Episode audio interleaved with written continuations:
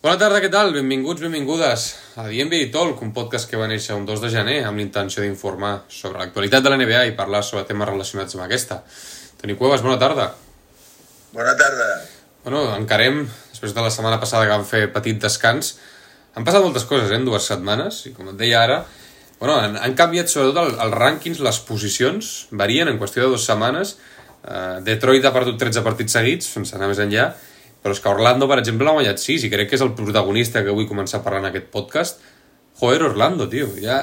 L'any passat, a veure, miràvem la plantilla, no en parlàvem massa, però, hòstia, podíem dir que estàvem contents, no?, amb els, amb els germans Wagner, no?, estava el Jonathan Isaac que estava per allà, a veure, es lesionava, ara no, ara sí, el Cole Anthony, eh, bueno, i tenien equipet. I, bueno, com passa amb tot, no?, passa el temps i sembla que els jugadors van consagrant, i, evidentment, aquesta temporada jo no els hi auguro molt recorregut, però bueno, m'agrada perquè es, es, amb Orlando es, es, es demostra el format NBA, no? Del draft, piques pedra, refas l'equip des de zero, fots fora Vucevic, estàs una pila d'anys reconstruint i ara sembla que les coses comencen a veure els seus fruits. Joder, a Orlando ens haurem de començar a mirar Orlando, eh? Segons de l'est, sis partits guanyats seguits. Bueno, ho has dit molt bé, has dit el que jo volia començar dient, no? L'èxit d'Orlando és l'èxit del format NBA Orlando recordem que tenia aquell equip format per Vucevic, uh, Aaron Gordon. Aaron Gordon. Bons jugadors. Sí, uh, tant, tant. Terence Ross, uh, Michael Fools... Bé, aleshores sí. Mike, uh, Orlando desfà aquest equip, desfà, jugador, desfà un equip format per jugadors vàlids, però que junts no portaven enlloc i inicien un nou, inicien un nou projecte amb jugadors eh, en posicions altes de drap, números uns, sí. joves, amb talent i, i bé, i aquest equip, després de dos, tres anys, doncs comença a rotllar i fot goig. No, i, i, les... I, I aquest és l'èxit NBA, no? Uh, reconstrueixes i, i tens recursos per, per tenir un equip que il·lusiona a, a tot el públic d'Orlando que creu, que somia que aquest equip en breus podrem dir amb la boca ben, ben, ben grossa que serà candidat a l'anell. No? Ara de moment és el, un equip molon, un equip que, que, que a mi personalment m'encanta veure'ls perquè juguen sense cap tipus de complexa, juguen un bàsquet fresc, refrescant, eh, el Banchero crec que encarna una mica tot això, sí. I, el, i el Franz Wagner també, són jugadors que és difícil dir de què juguen, juguen són molt polivalents, són grossos però poden baixar la pilota, no tant de cara, no tant d'esquena, bé, Orlando, un, una gran notícia per, per la NBA. I s'està mirant ara, és que en, en clau edats, salaris, és tot fantàstic. El que més cobra Jonathan Isaac amb 17 milions, Banquero encara està amb 11, suposo que arrossega el contracte, el contracte rookie, i en punts també, tio, els punts dona goig veure un equip així, en punts estan, mira, amb, que tu trobi, Banquero està amb 19,6, Wagner 18,9, Cole Anthony 14,1, Wagner 12,6. Si mantenen aquest bloc dels quatre tios, bueno, si m'afegis el Jalen sí, Sachs o el, sí. o el Fultz...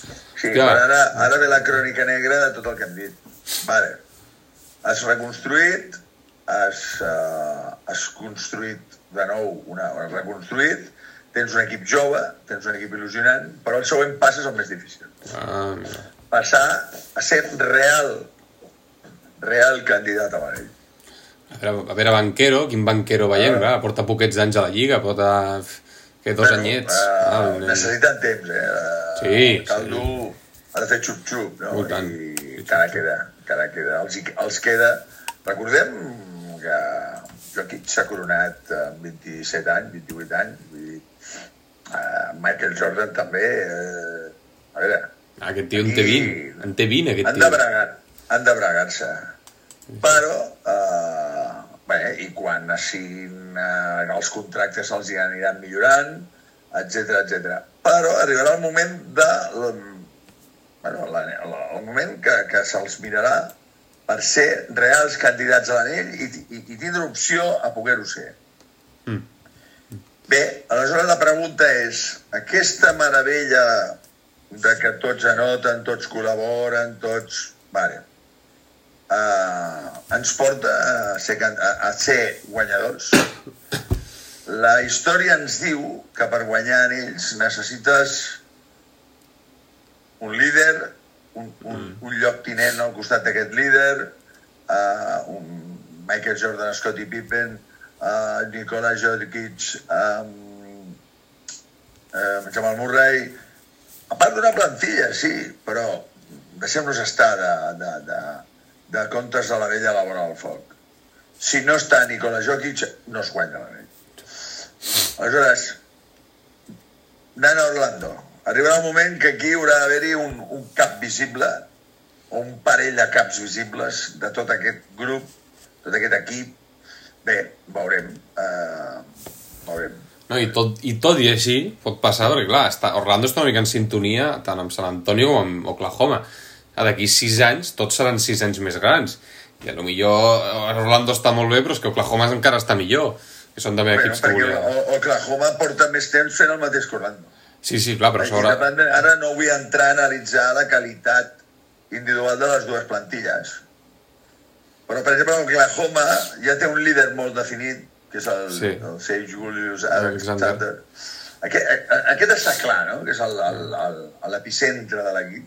I al voltant d'ell doncs, estan apareixent doncs, el, el, el Chet Holmgren, que, que només faltava aquest, el, el, el, el, el Gidey, el, el, el Pancons com el Lugensdor, el, bé, Williams, bé, total, que tenen plantilla. Aleshores, eh, i tots a Oklahoma estan entusiasmats, aquesta plantilla. I aquesta plantilla per primera vegada ja s'està visualitzant a dalt de les classificacions. Qui jugui contra Oklahoma i tingui dos encostats, perd segur. Sí. Perquè, a més a més, aquesta pinya no està per descansar massa. Aquests es recuperen ràpid, són joves i s'ho han de menjar tot i van a saco. Sí. Diu, Oklahoma jo tinc ganes de saber, perquè Chet Holmgren el veig, el veig que pot fer de líder a l'equip. O sigui, està Alexander ara molt definit, també perquè Holmgren és molt més jove, Bueno, però a la llarga tinc, tinc dubtes i ganes. Clar, és un tio que físicament és que també ho té tot, eh? O sigui, si- parlem del Wembayama i dels Antetokounmpo a qüestió, però el Holmgren és un tio de 2'16 que bota, tira, passa, l'altre dia fot el triple aquell guanyador a, a, a casa dels Golden State Warriors. No sé, a veure com evolucionen en el temps, eh? Crec que pot ser molt interessant, perquè evidentment estem d'acord que són els dos referents. són, són aquests jugadors moderns que, que a veure qui té a veure qui té la valentia per no dir una altra cosa de dir de què juga aquest noi uh, bé, aquests que els agrada que són molts, molta, la majoria eh? el 5, el 4, el 3 el 2, l'1 el pivot, l'E, a veure què és el, el, el Chet Holmgren, què és, no? Uh, jo no sé, és un jugador de bàsquet. Aquesta és la gran notícia, és un jugador de bàsquet. Perquè, per cert, t'has enterat del que li ha passat al Guidey o no t'has enterat? No m'he enterat. No t'has enterat? Bueno, resulta que l'altre dia surt, a... surt... Quin dia va ser? Potser el dijous, dimecres? Una noia penja una foto a Snapchat que posava... Eh, he ting... mantingut relacions sexuals amb el Josh Guidey, els dos de... sense samarreta, i els veia com un selfie dels dos. Total, que la... eh, Instagram, Twitter, la gent ja saps que és molt tafanera, comencen a investigar i resulta que aquesta noia té 15 anys. I el pobre Guidey, bueno, pobre potser tampoc és la paraula, no? Però se li ha caigut una mica el pèl, de moment està jugant, la NBA ha activat el modo lupa, lupa profunda, però bueno, eh, la pot haver liat força, perquè la noia això era de 15 anys, va penjar la foto aquí, la va penjar també a Instagram, a més a més el Guidey s'ha desactivat els comentaris a Instagram, com que ja, bueno, és, és conscient de la que l'ha liat parda, també li han fet entrevistes i va dir que no, no, que de moment no vol dir res ell, Bueno, 20, 20 anys i a lo millor ha cagat, l'ha cagat a la seva carrera. Hi ha noies que tenen 15 anys i no ho sembla, i jo sí. pues, no sabia que tenia 15 anys. Eh, bé, no ho sé, amb, amb, amb, aquests temes han d'anar amb cuidado, han d'anar molt amb cura, perquè això és com un camp de mines on te... Sí, clar. clar. Aquí hi, ha, aquí hi ha moltes històries. Aquests jugadors són objectes del desig de, de, de moltes i de molts i, i han, de, han de vigilar i si perden el cap doncs, doncs, fa molta soroll el, el, la, qualsevol activitat uh, que fagin i aquí si has comès l'error d'anar amb una menor doncs, uh, bé, doncs haurà de tenir-se a les conseqüències. Ah, i a més a més, a lo Han de millor... vigilar, han de vigilar perquè Que millor la, tot, dir, la, tot la, ser humà té molt en joc, però aquests s'entenen, es juguen molt. no, i, no, i la noia a lo millor fins i tot no li volia fer mal, que a vegades sí que potser hi ha casos que, que volen anar a fer mal al jugador, però potser la noia ni era conscient o, o no ho sé, no ho sé en qualsevol cas, però és el que dius tu, clar, són gent que està molt exposada i a la, Aquí, una mi... aquí el, el perjudicat sempre és la persona de renom, no? I la, la, la víctima és la, la noia de 15 anys. Per tant, s'ha de vigilar. I ha de vigilar, doncs, el, el, el, en aquest cas ha de vigilar la, la persona famosa que, que... Perquè, a més a més, tot el que faci... Sempre s'ha d'actuar de forma correcta, però és que, a més a més, tot el que facis tindrà molta repercussió. Sí, sí, malauradament sí. Bueno, no sé en què quedarà, clar. Josh Giddy és un jugador important. Estem d'acord que Oklahoma és far del Bueno, Big pues Three. quedarà com el que tingui que quedar... A veure, no sé. Ja, Bueno, ja, ja ens enterarem. sí, ja ens entrarem. Això és que, que dictamini la NBA, nosaltres no, només podem més que opinar.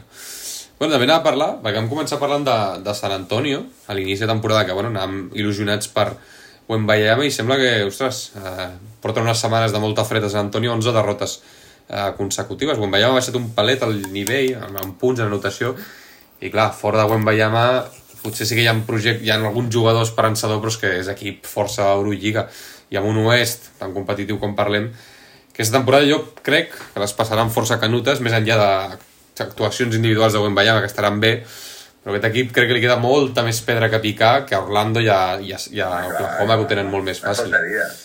És que només faltaria, Àlex. Només faltaria. Que m'arribés Wembanyama aquí amb 19 anys i... bueno, això... Això és més difícil. Eh... no. El nivell és molt alt. Aquí tothom té Wembanyama. Aquí tothom té jugadors estrella, té, té, té... Tothom té pressupostos, tothom té càmeres, llums, eh, que focus sobre ells. Aquí, a l'inici de la Lliga, amb, un dels programes que vam fer, quan em deien bueno, Wembanyama és la... la...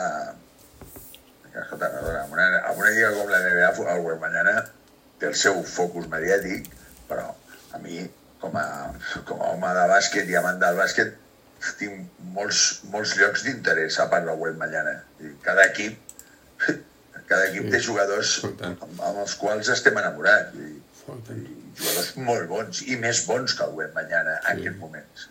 Per tant, eh, vale, benvingut Wembanyama, és una gran notícia que un jugador d'aquestes característiques estigui a la Lliga, però la nostra atenció està dividida, o dit d'una altra forma, el nostre amor el tenim partit per, per, per tot Estats Units dir, i part del Canadà, no? Sí, exacte. Del, del Desi. Alhora, aleshores, no m'estranya gens que San Antonio pues, un equip per fer que acaba d'aterrar un jugador uh, únic però això, Estratosfèric. no és, això, això no és suficient Sí, sí.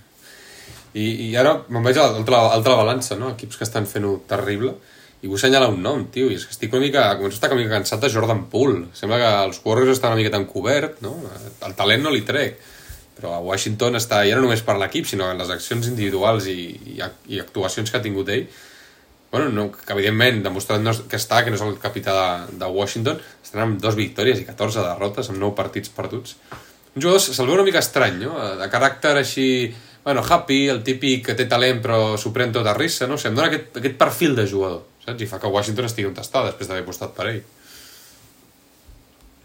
sí, ha sigut una decepció en el moment que surt de, de Warriors, Warriors, eh, ja és una derrota sortir de Warriors Bueno, clar, O sigui, quan tu estàs a Warriors, guanyes un anell i amb un contracte com el que et signen eh, et traspassen, eh, això ja és en si ja és una derrota. El, el, el Jordan Poole psicològicament va a Washington, sí, bueno, amb el contracte sota el braç, això pues, és, té el valor que té, però moralment vas havent suspès sí, clar. finalment has suspès no? i està donant la raó als que no van confiar en ell perquè si ara Jordan Poole estigués fent 25-30 punts per partit dirien, pues mira, mira Jordan Poole, tu mira, Que, que bé s'ho passa, no? Això li està donant la raó a les persones que van decidir prescindir d'aquest jugador, no? Un jugador, com tu dius, eh, bé, un jugador poc... Eh, amb talent per jugar a bàsquet, això sí, Sí, indiscutiblement. Però és que no és suficient tenir talent per jugar a bàsquet. El talent és un concepte molt ampli, s'ha de tenir talent per moltes coses. Talent per, per, per jugar, talent per saber competir, talent per saber estar preparat per competir cada nit, Mm. perquè aquesta gent cada nit dona el callo, o sigui, són bons, són tan bons que cada nit són bons. Ser bo de tant en tant és difícil, però és que ser bo sempre és increïble. Sí. Aleshores, Jordan Poole és bo de tant en tant.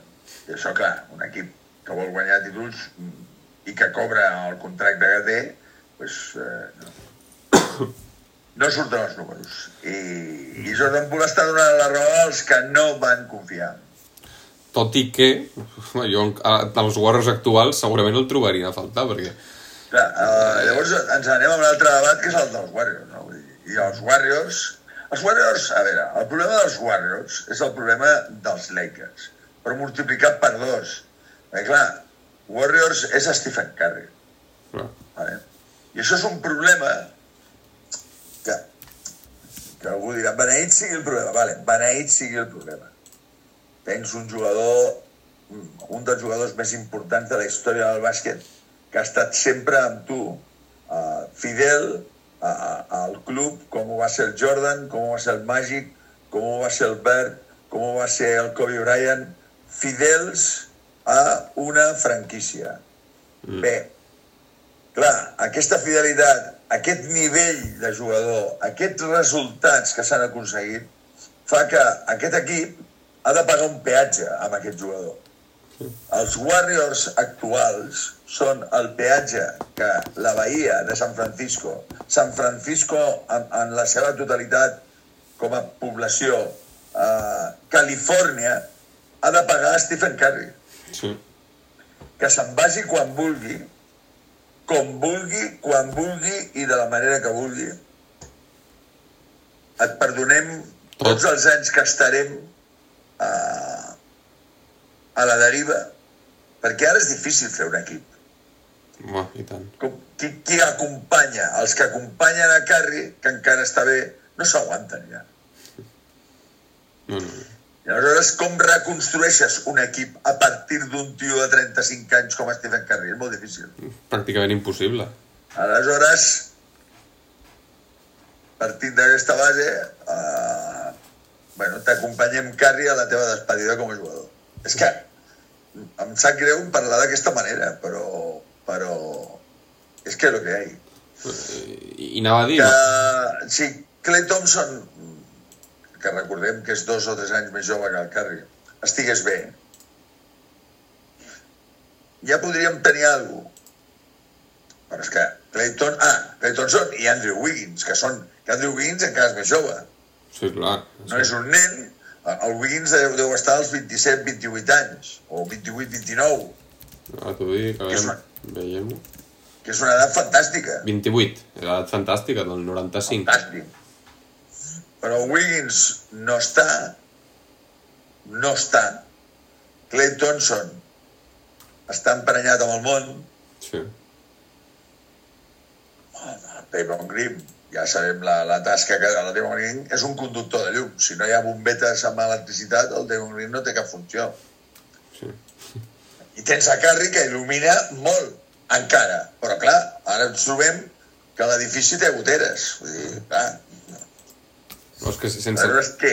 Vull dir, sense... Warriors en aquests moments no li veig cap tipus de, de recorregut. I això que tenen a Carri, brillant, igual com ho fa el Kevin Durant a Phoenix, brillant de forma individual, no? Però Ja. com el cas de Carri, els que acompanyen no estan a l'alçada. Ai, anava a dir... I, I la incorporació de Chris Paul, a veure, va, no fa falta ser un doctor honoris causa per predir que, que era un fracàs. Sí. Perquè el que vol un tio de 35 anys no és un tio de 40. Ah, clar. És un tio... Al costat del Carri, les edats bones són els 28, aquest, el Wiggins, el, els 28, 29, 30, 28, 29, 30. Això és bona edat per, pel, pel Curry. Mm. Però no, no un tio... No. La funció del, del, del... A més, el preu que cobra, perquè dius, bueno, no, és que t'ha vingut Chris Paul cobrant 4 milions de dòlars, vale. El que està cobrant el Westbrook a, a Clippers, vale. Per exemple, sí. Però és que, però és que Chris Paul, que té la mateixa... Bueno, no, és més gran Chris Paul que Westbrook. Sí, més gran. Ah, ah, Exacte, encara és més greu. És més greu perquè és més gran i cobra 30. Clar, és, és, és, escanda, és escandalós. Bueno, I el rendiment de Chris Paul és un rendiment totalment ja a la deriva. A la deriva. Sí, sí, realment el, el, el segon millor jugador dels Warriors en aquests moments és Dario Saric. Pues ja està tot dit. Ah, no en parlem No parlem més d'aquest tema. Oh, oh, oh. No, que, que ha trobat el seu lloc. Jo, és un jugador que em, em feia certa gràcia. Quan estava a Filadèlfia, Bueno, però seguia... Dario Saric és un complement a Sí, un sí. bloc Ah, que, que no existeix en aquests moments. A la llàstima exacta és que no hi hagi bloc, no hi hagi Clay Thompson, que Wander Ah, Wiggins no clar. s'enteri de res. El Dario Saric seria perfecte complementant un bloc. Sí, exacte. Aquest bloc no hi és. Per tant, han de seguir a la deriva. Eh? Bàsicament serà Bueno, això. em sap greu, perquè amb els Warriors els, els hi tenim... Evidentment, Steven Curry, tio. És, un- és un dels jugadors que més he disfrutat a la meva vida, bé. No, Déu nostre senyor. parlem, no parlem més. Vull dir, és... és no, jo, en, el, en la meva llista personal, està entre els 10 millors jugadors de la història, indiscutiblement. Ningú amb 1,88, amb aquesta... És el jugador amb menys alçada que ha arribat més lluny. I, indiscutiblement. Ja, ja, ja. Sí, sí, estic força d'acord, sí. Sí, sí. Però bueno, mirem el futur, va, hòstia, que em sap greu despedir-nos de Carry, si fos això. Anem a parlar de Minnesota, va, que van primers a, a l'oest. Bueno, sembla que les coses van carburant, eh? Evidentment, marmats pel contracte de, de Rudy Gobert, però bueno, sembla que Bueno, mira, Hi ha un tio que- Mats, sí, la, la, la paraula és... I encara podria ser millor. Minnesota, de totes maneres... Bueno, Minnesota, clar, té, té un 5 que està bé. que està bé. I comandats per un tio que és de puta mare. Però és un 5 sospitós de punxar quan arribi l'hora de la veritat. Sí, correcte. perquè Mike Conley, bueno, és un bon jugador, eh, vale, és un veterano Del Vietnam. sòlid, vale, no és, no és, és format Ru Holiday una mica menys, vale? Sí. Versió Vale. blanca, sí. I llavors tens Carl Anthony Towns. Aquí ja comencem a... Bueno, aquest jugador, clar, aquest jugador lupa amb, amb el contracte que ha signat. Bueno, Carl Anthony Towns no pot tenir... No pot perdre oli per cap banda. Vull dir, Perquè ja n'ha perdut. amb, Ja n'ha perdut, a més a més. Ja l'hem que ja vist. n'ha perdut. Ja vale, perdut. Sí. A sobre. Però Carl Anthony Towns rectifica, si m'equivoco, 26-27 eh, o 25-26. Sí, ara t'ho dic. És força jove. Porta... A veure... Espera que no em surt aquí. 2020... Carco, ai. Ara el trobaré...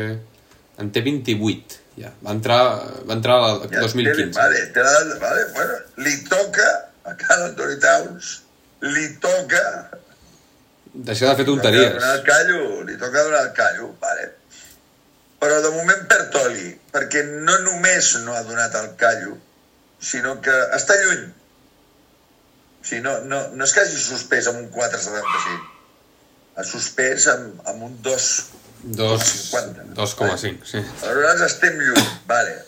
Què més tenim? Bueno, doncs tenim aquest estrany element anomenat Rudy Gobert, que és un jugador que està bé. El, el problema està en que cobra massa per la seva funció. Senzillament és això. És un tio que hauria d'estar cobrant entre 15 i 20 milions de dòlars i està cobrant el doble. Bueno, vale. Clar, ja t'hipoteques. Llavors tenim la superestrella real d'aquest equip, que és Anthony Edwards. Però llavors ja ens anem a un tio que té 21, 22 anys. Vale? Per tant, ja ens estem allunyant d'equip uh, format en ell. Va? Un estrany element de 30 i pico, un de 28 que té l'edat perfecta amb un supercontracte però que ens perd oli, Mike Conley veterà que tampoc és una, un màster de l'univers en playoff time. Correcte. Uh, vale. I ja tenim Anthony Edwards, però que, que és el que té millor pinta de tots plegats, indiscutiblement. Però és que aquest té 22 anys, o 21. Uh, clar, Minnesota farà gràcia en fase regular, però mm, t'haig de dir que quan arribin els play-off se'l menjaran. Sí, sí, sí.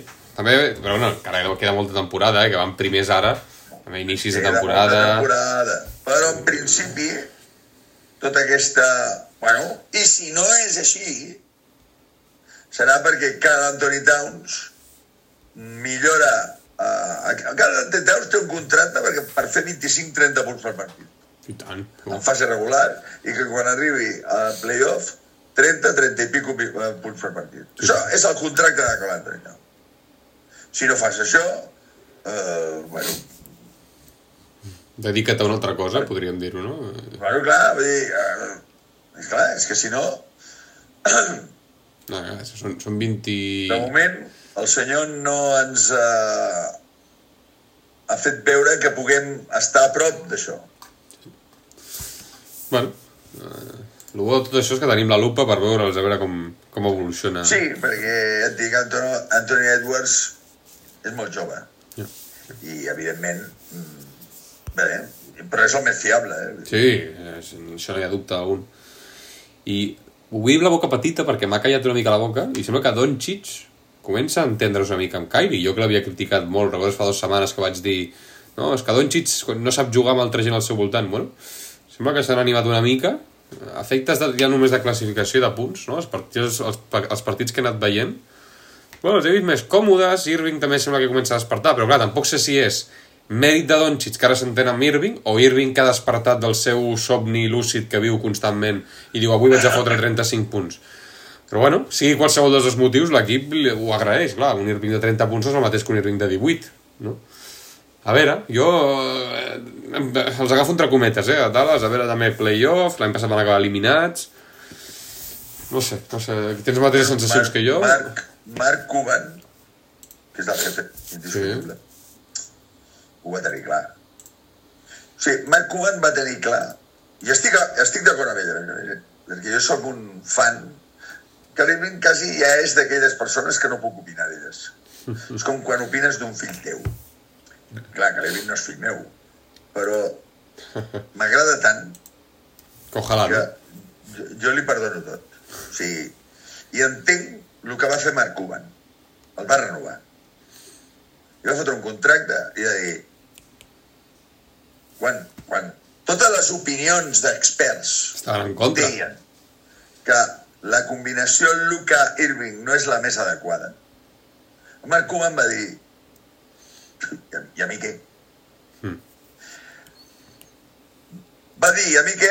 Primer perquè li encanta, com no pot ser d'una altra manera, aquest Kyrie, jugador. Kyrie Irving, clar. Vale? I segon, perquè s'està comprovant que qui perd oli és l'equip que envolta a Doncic i a Irving. L'última derrota de Dallas només s'anoten aquests dos. La resta no fot res. La resta sí, equip Eurolliga, com diem sempre. Per tant, la resta és equip Eurolliga, Mm -hmm. però sense dubte. Han millorat aquest any amb la resta, però Marc Cuban ha tingut clar que el que han de millorar és el grueso del pelotón, perquè aquests dos són molt bons. Sí, sí. Aleshores, doncs,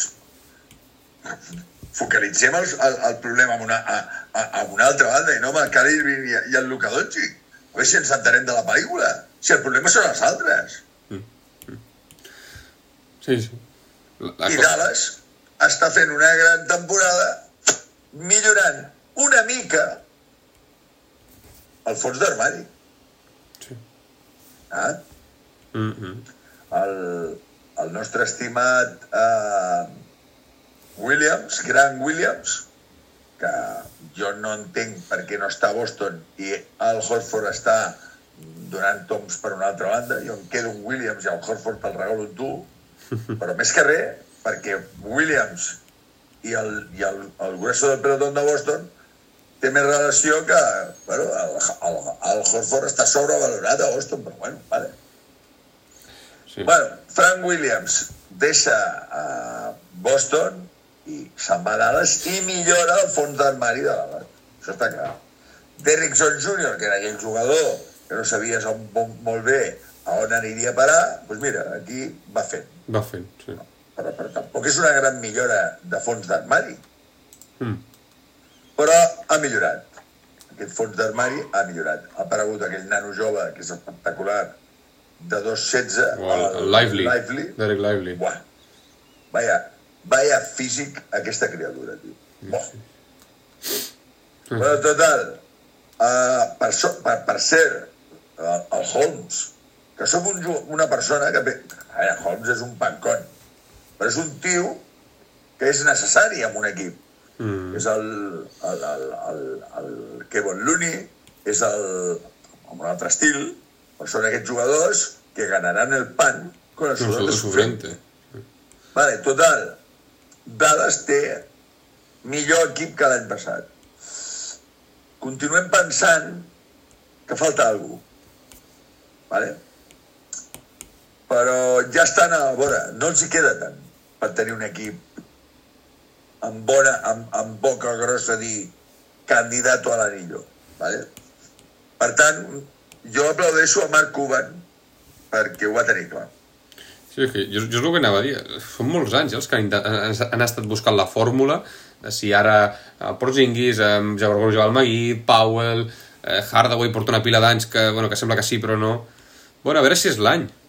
Efectes, efectes de nom, collons, Grant Williams, un tio... Lo important és estar allà, estar a prop, perquè perquè sigui l'any... Bueno, si Toronto va guanyar un anell amb Kawhi, i era Kawhi i un equip d'Eurolliga, Sí, per, perdona, sí, sí. sí. per què va guanyar l'anell? Bueno, van tenir sort, evidentment que van tenir sort, però per tenir sort has d'estar allà. Ah. Et uns Warriors in, in, in, imperials van arribar tots lesionats. Bueno, es, va, es va derrumbar el vaixell, es va enfonsar tot el vaixell. allà està Toronto per guanyar un anell. Un anell que ningú hagués dit el mes de gener que guanyaria Toronto. Sí, sí, sí. Sí, va ser heavy. Per tant, anant a Dallas, Dallas té com a obligació estar allà el més amunt possible, que a l'oest serà difícil. Sí, serà difícil. A més el, el, play-in també pot ser traicioner, perquè alguns equips volen escapar-s'hi, els Lakers sembla que ara tornen a entrar-hi. També està Houston per allà, que Houston... A veure també Houston quines ganes de fer soroll que té. L'any passat van tocar fons, quasi, crec que van, van acabar últims. Digues. Digues, digues. Que el Houston ara ja no és una perita en dulce. No, ara ja és una No cosa és sèria. un equip eh, que, que, que ens el puguem prendre molt en sèrio, en termes de candidatura a l'anell, però és un equip sèrio. No ens el prenem en sèrio per guanyar l'anell, però és un equip seriós que pot amargar la nit en qualsevol. Vale? Per tant, bueno, serà una mica com el perro de l'hortelano, que no come ni deja comer, no? Mm. Però aquests equips també hi han de ser. Sí, sí. Ser més feina necessita també potser més anys, no?, que els Orlandos, perquè clar, apostes una mica estranyes, no? És que a, a, a l'equip de Houston no té el, el, el sentit que té el, el Thunder o Orlando. Perquè Houston ha millorat el que tenia l'any passat. El que passa que, a veure, per mi cometen un error. I, i és el pan per hoy hambre per avallana. Perquè Van Blitz, bueno, amb Van Blitz tu no pots anar a guanyar un anell. No, no, Només amb el Van Blitz. només. Van Vliet, uh, l'ex de Memphis, el Dylan Brooks. Dylan Brooks. Vale, molt bé, han millorat, vale. El Sengun de, el turc, cada dia ho fa millor, vale. Però per exemple, anem a l'estrella de l'equip, Jalen Green, 21 anys, ja hi som una altra vegada. Molt jove, extremadament jove. Ja baixem als 21 anys, el jugador franquícia té 21 anys. I l'ha rodejat d'especialistes de 28, 29, 30 anys que estan molt bé per guanyar un anell, però si el Jalen Green tingués 28, 29 anys també.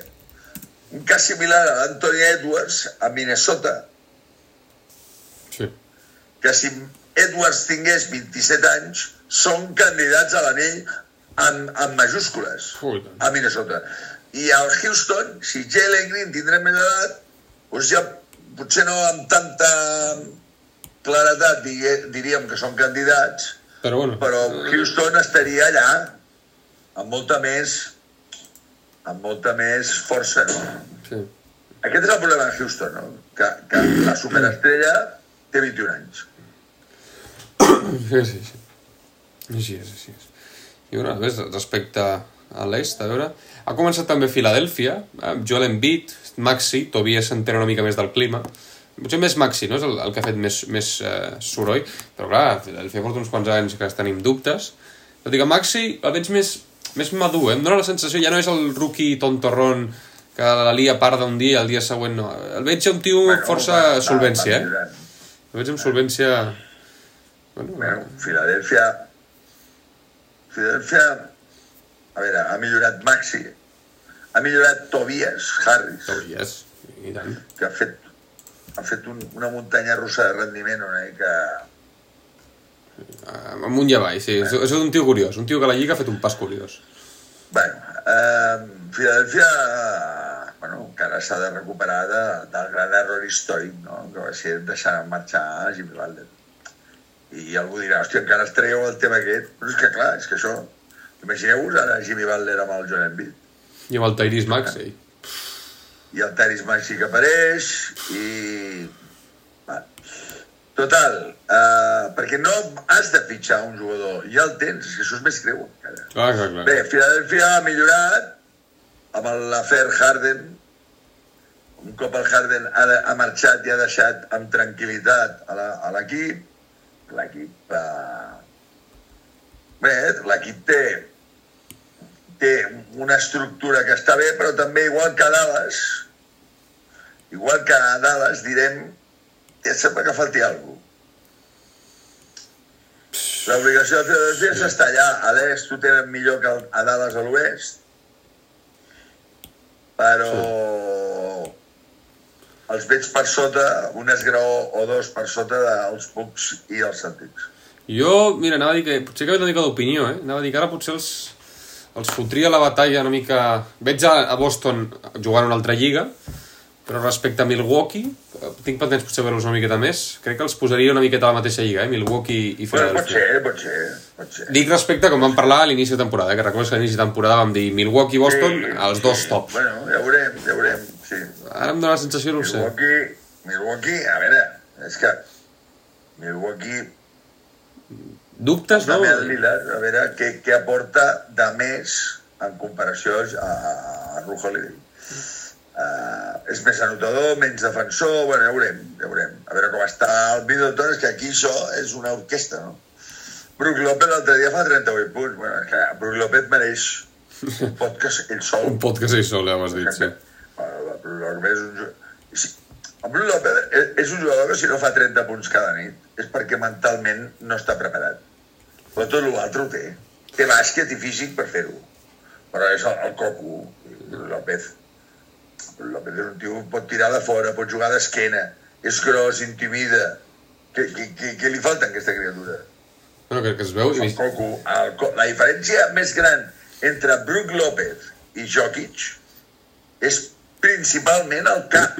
Que clar, això és el més important a, a, a la vida dels sers humans. Mm. Ah, Brook López pot fer moltes coses. I, i l'altre dia va fer 38 punts. Bueno, vale. Així veu que aquesta cosa ja la sabies. Resulta que recordes que ell abans no tirava de 3. Abans dir època Brooklyn. I que, És un cas molt raro, això ja et diu quin tipus de jugador estem parlant. no, i, i es veu que no sé qui li va dir, no sé si va ser un entrenador o, o, o ell mateix un dia va dir ah, doncs començo a tirar de 3. El tio es dedica a tirar de 3 i se'n dona compte que es vol tirant de 3. I va estar com 3 o 4 anys que no se'n donava compte. Vull dir, mentalment el Però perfil és... punt que va haver un any a Milwaukee que no jugava mai d'esquena a bàsquet. O sigui, Per exemple, sí. ni tanto ni tan calvo. Brook López, tio, fota't d'esquena també. Ok, ok. Ves, ves alternant posicions en funció del moment del partit, del defensor, bla, bla, bla. Sí, és un cas... Bueno, també és un germà... rares. Vull dir, és, és, és molt estrany l'evolució de Brook López. A més, son, son germà eh, és del Mastomar, eh? Mentalment està com una tremenda xota, eh? El Robin López. Vull dir, Sí, vull bueno, dir, veig, veig el Brook malament, però és que veig el Robin encara pitjor. Vull dir, Sí, sí. bueno, El, el Brook és el bo. sí, sí. I, i l'in-season tournament, ja per acabar, com, com estàs veient l'in-season tournament? T'està agradant? Com, com has vist aquesta iniciativa? Jo vull veure què opina la gent. Com, com? Ah, no t'he entès. L'in-season tournament, el torneig aquest que fan entre temporada, això que juguen Ah. els dimarts i els divendres. Bé, jo la veritat és que estic bastant... Soc, com que sóc de la vella guàrdia, uh, més enllà de, de, de veure l'espectacular que queda als camps uh, Oh, guarnits ah. amb la in-season tournament, Preciós, són preciosos. uh, no sé fins a quin punt els jugadors realment uh, li estan prestant interès en quedar classificats.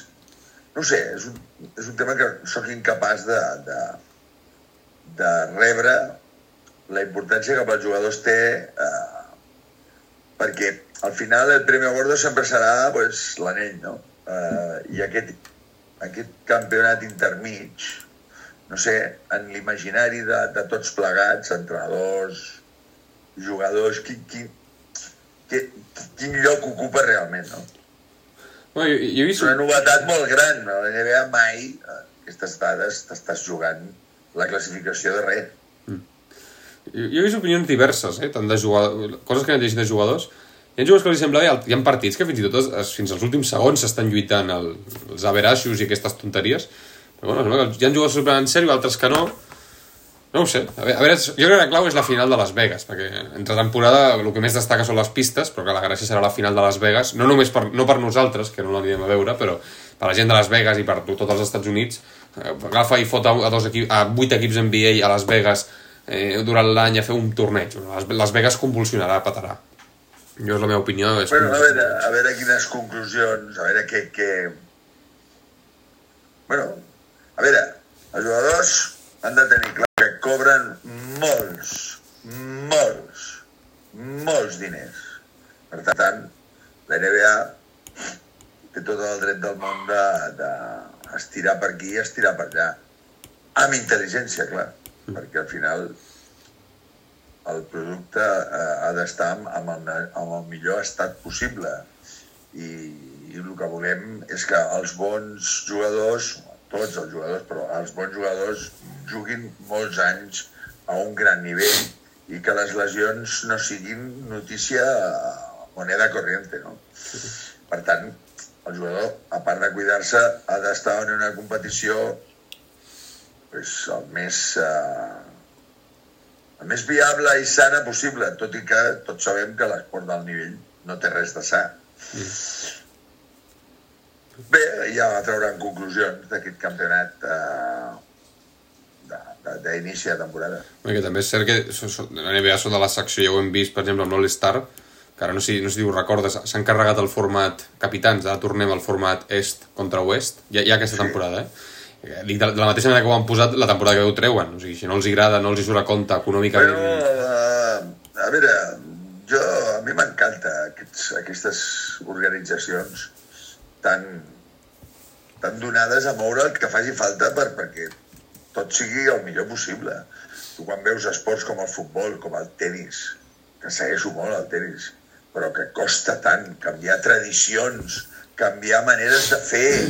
Eh, a la NBA, canviar alguna és tan fàcil com inventar-se alguna i no, i no els hi donen prendes de desfer una novetat de l'any anterior. No, no. És... És que és així com s'ha de funcionar. Són un exemple. Mm, Jo, jo, jo també soc d'aquest format, les tradicions de tota la vida estan allà molt bé, però si trobes algú millor... Sí, al tenis encara ningú s'explica per què l'entrenador no pot parlar amb el seu jugador durant un partit. A veure com m'ho expliqui. Per exemple. I per què eh, no poden ser coberts tots els camps. Sí, sí, coses Per què? curioses. Per aplaçar partits, per retrasar campionats. Això, això estem al segle XXI. Tots els camps poden tindre sostre. Mm -hmm. O és que tota la vida ja comencem amb aquestes frases que m'encanten. És que sempre s'ha fet així. Ah, vale. Els del futbol. Uh, és que el futbol la gràcia que té és... La gràcia que té és... Amb això del bar. abans no han portat el bar, i com utilitzen el bar. Vaya, vaya fullon que tenen amb el bar, perquè no saben ni utilitzar-lo. Bueno, fatal. Eh, A mi aquests esports eh, organitzats de forma tan poc eh, pràctica i eficient, perquè si algú té la NBA i el món de la NBA és una eficiència elevadíssima. sí, sí. Sí, sí. Així és, així és. Bueno, a veure com, com van evolucionant les diferents eh, setmanes, a veure com es mouen les classificacions. Hem repassat força, no?, les dues últimes setmanes de, de Lliga. A veure si l'Alex Kim se'ns uneix la propera setmana, també. Aquesta setmana ha estat baixa. Però el tenim al Brasil i allà tenen altres horaris i avui tenia activitats eh, personals. Personals, sí, sí. Clar. No ha pogut ser. Bueno, la setmana que ve el, el trobarem així que molt bé. Gràcies, Toni, per estar aquí un episodi, més amb, amb tots Gràcies nosaltres. a tu, Àlex, i una abraçada a l'Esquim. Sí, exacte. És que i la gent Bueno, que ens escolta. veiem amb l'Esquim aviat perquè aviat l'Esquim vola de Brasil a, aquí a Barcelona. aquí, a d'aquí dos dies Nadal. I a passar el Nadal. Així que molt bé. Pues, uh, una abraçada i cuideu-vos. Ens veiem al proper episodi. Adeu.